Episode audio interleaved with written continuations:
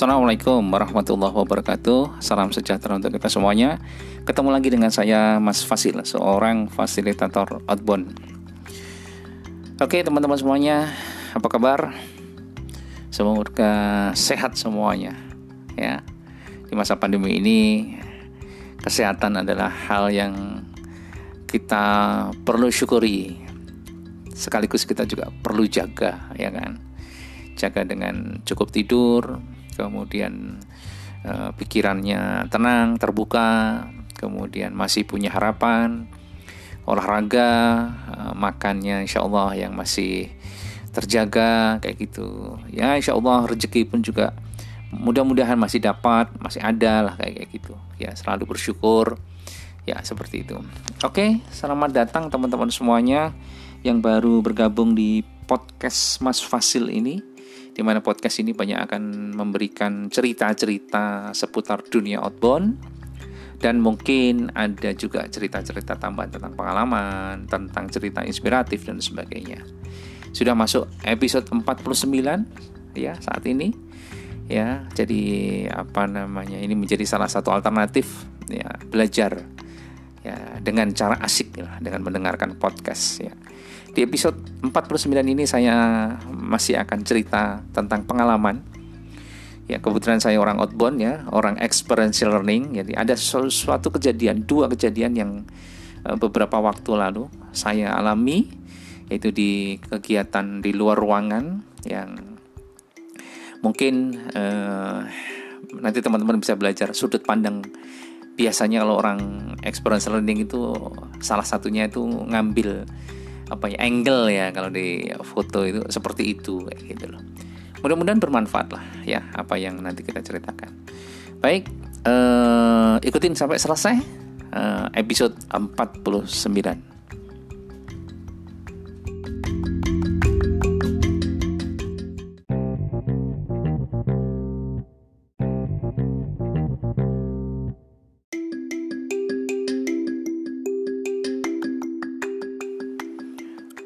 Oke, baik.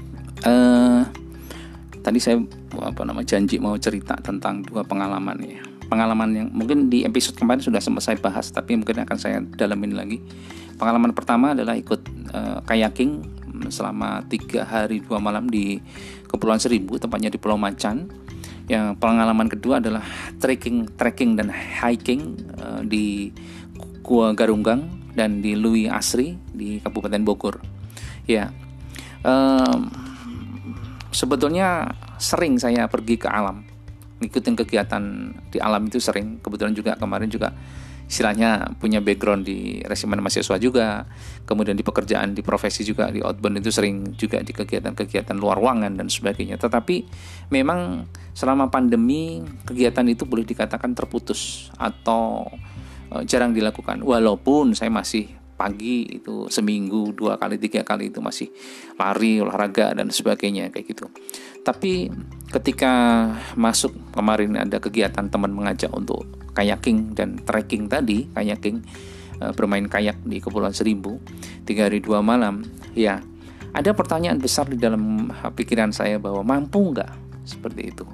Udah lama jadi kegiatan itu pasti menguras fisik ya tenaga dan sebagainya itu itu sangat dilematis sebetulnya ya dan ketika dicoba ya dicoba di hari pertama dan segala macam kemudian sampai dengan long tripnya gitu itu ada satu titik di mana titik itu eh, apa ya istilahnya itu membuat eh, kita menjadi bertanya-tanya gitu tetapi eh, lalu kita lanjutkan saya bilang di episode kemarin adalah eh, titik ketujuh uh, tujuh itu bisa turun atau bisa naik kayak gitu. Waktu hiking sama uh, trekking pun juga sama seperti itu. Kemudian terakhir ketika saya memberikan di episode 48 saya cerita tentang memberikan training, itu seakan semuanya kegambar kayak gitu. Jadi tantangan itu itu wujudnya itu bisa macam-macam. Bisa dalam bentuk uh, fisik ya, bisa juga dalam bentuk psikis. Dan yang paling berat sebetulnya adalah di dalam bentuk psikis kalau fisik ya capek, biasalah capek tangan, capek kaki dan sebagainya. Tapi kalau capek pikiran itu luar biasa sekali menghadapinya. Bahkan kalau capek pikiran itu bisa-bisa kita tidak bisa tidur nyenyak. Nah, itu. Jadi teman-teman semuanya, kondisi-kondisi seperti itu sebetulnya sangat umum lah.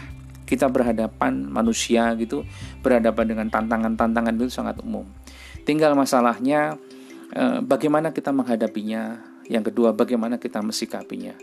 Ya, kalaupun istilahnya di awal-awal kita mensikapinya, di awal mungkin ada istilahnya itu kurang yakin dan sebagainya gitu. Tapi kalau kita sudah coba dan semangat apalagi dibantu disupport sama teman-teman ya lingkungan kita gitu, maka eh, tantangan itu akan bisa kita hadapi, kita akan bisa lalui. Dan luar biasanya kalau kita sudah melakukan itu walaupun capek dan segala macam itu akan bahagianya luar biasa. Udah nggak bisa diukur dengan uang itu kayak gitu. Apalagi yang tadi eh, tantangan dalam bentuk psikologis ya fisik uh, non fisik kayak gitu itu luar biasa benar-benar itu jadi kepikiran terus selalu kepikiran terus kayak gitu nah kalau menghadapi seperti itu ada salah satu episode yang pernah saya uh, sampaikan di awal-awal itu lakukan stop ya yang pertama itu adalah stop and sit kemudian uh, thinking kemudian observe kemudian baru uh, planning kayak gitu. Jadi uh, prinsipnya adalah coba berhenti dulu deh sesaat. Jangan kelamaan ya. Berhenti dulu sesaat. Ambil oksigen atur nafas ya. Berdoa dan segala macam oke? Kemudian bangun keyakinan ya bahwa itu bisa kok nanti. Pasti jalan itu akan ketemu kayak gitu prosesnya memang harus seperti itu biasanya kayak gitu. Nah bagaimana kelanjutannya? Kita break dulu ya supaya uh, lebih seru nanti lah ceritanya ya. Oke.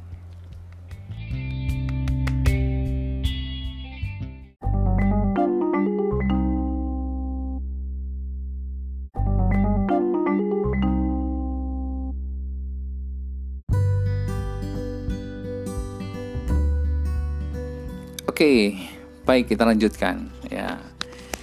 Jadi apa namanya tantangan-tantangan fisik ataupun psikis itu memang biasa kita sebagai manusia akan hadapi ya. Mungkin ada yang sering sekali, ada yang mungkin jarang, tapi ada.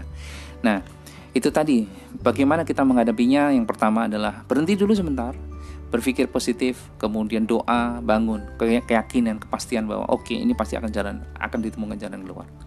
Dan kasus-kasus seperti itu mungkin teman-teman juga pernah ngalamin, saya ngalaminnya. Ya, begitu pikiran buntu dan segala macam itu kalau dipaksakan tetap aja nggak bisa. Sama seperti kalau saya benar nulis buku juga gitu. Kalau udah pengen nulis itu idenya ada itu langsung terus banyak itu.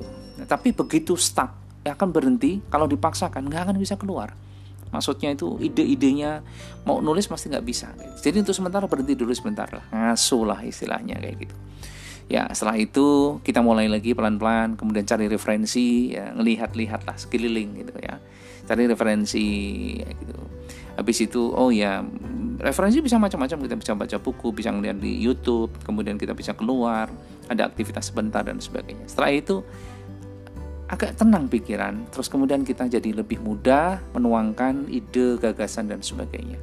Dan kalau udah seperti itu udah tinggal kerjakan saja enak kayak gitu. Nanti tinggal disempurnakan sempurnakan sempurnakan seperti itu. Ya jadi teman-teman semuanya eh, kalau kita eh, menghadapi masalah-masalah yang terkait dengan uh, tantangan ya fisik nih ya misalnya kayak gitu ya ya kita atur nafas kita waktu berjalan. Kalau perlu berhenti sebentar berhenti sebentar kemudian minum ya cari tenaga tur nafas dan sebagainya. Kalau kita menghadapi kendala atau tantangan kaitannya dengan psikologis pun sebetulnya mirip sama. Yes berhenti sebentar tur nafas kayak gitu. Minum dulu sebentar oke oke ya, enak tenang kemudian pelan-pelan lanjutkan lagi seperti itu. Bagaimanapun juga eh, apa ya eh, eh, masalah itu selalu ada dan perlu diselesaikan. Saya sering membuat metafor bahwa seorang apa namanya uh, pembalap F1 ya di dalam lomba dengan kecepatan yang sangat begitu tinggi itu pun sekali waktu juga butuh pit stop berhenti harus ganti ban harus diisi bensin lagi kemudian harus dibersihkan harus dirapikan walaupun dengan kecepatan yang tinggi ya. Dan itu dilakukan dibantu oleh orang-orang di sekitarnya bukan kita sendiri. Sebagai makhluk sosial kita tidak bisa semuanya kita lakukan sendiri. Jadi kita harus juga membuka diri ya kehadiran teman-teman sekitar kita. Karena apa? Dengan cara seperti itu kita akan kalau istilah manajemen kan berkolaborasi hasilnya insya Allah akan lebih bagus jadi teman-teman semuanya ya ada istilah kecerdasan sosial. Nanti teman-teman bisa baca bukunya Malcolm Gladwell ya, Tipping Point ya, yang bicara mengenai masalah kota Roseto. Itu keren sekali itu. Nah, tentang kecerdasan sosial. Kita butuhkan itu juga. Selain kita kompetensi di bidang akademik, di bidang keilmuan, kemudian juga perlu emotional ya, apa namanya quotient yang bagus gitu ya. Tapi ada juga selain spiritual juga tapi ada satu kecerdasan tambahan ya kecerdasan sosial. Di hari-hari pandemi ini itu dibutuhkan sekali ya penting sekali supaya kita bisa saling membantu ya menghadapi pandemi ini supaya kita tetap sehat terus berkarya. Dan apa yang kita lakukan tetap bisa memberikan manfaat untuk orang banyak. Oke teman-teman semuanya itu cerita tambahan ya uh, di episode ke-49 di podcast Mas Fasil ini mudah-mudahan uh, bermanfaat dan bisa uh, menginspirasi teman-teman semuanya. Baik, mungkin itu saja yang bisa saya sampaikan. Tetap pakai masker, jaga jarak, cuci tangan pakai sabun. Tingkatkan imun tubuh kita dengan istirahat yang cukup, makan yang bagus, pikiran yang terbuka, jernih, dan jangan lupa berdoa. Oke, matur nuwun. Terima kasih. Assalamualaikum warahmatullahi wabarakatuh.